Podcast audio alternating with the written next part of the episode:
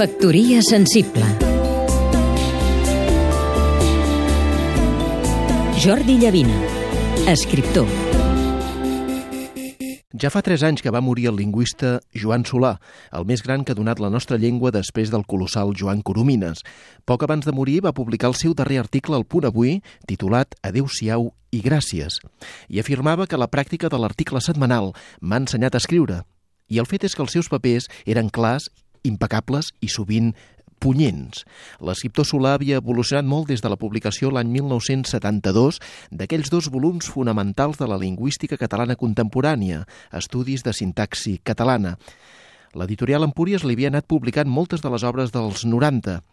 Ens havia arribat poc abans aquella delícia del Tractat de Puntuació, escrit amb Josep Maria Pujol, que desembocaria en una obra més ambiciosa, ortotipografia, manual de l'autor, l'autoeditor i el dissenyador gràfic.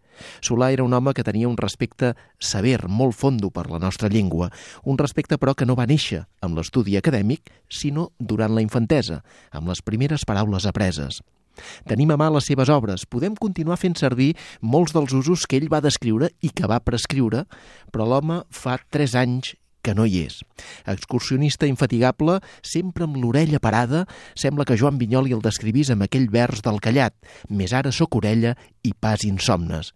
Solà era també un patriota de pedra picada, de ben segur hauria viscut el moment actual amb la seva passió connatural. Molts de nosaltres el continuem tenint molt present. Factoria sensible Seguim-nos també a catradio.cat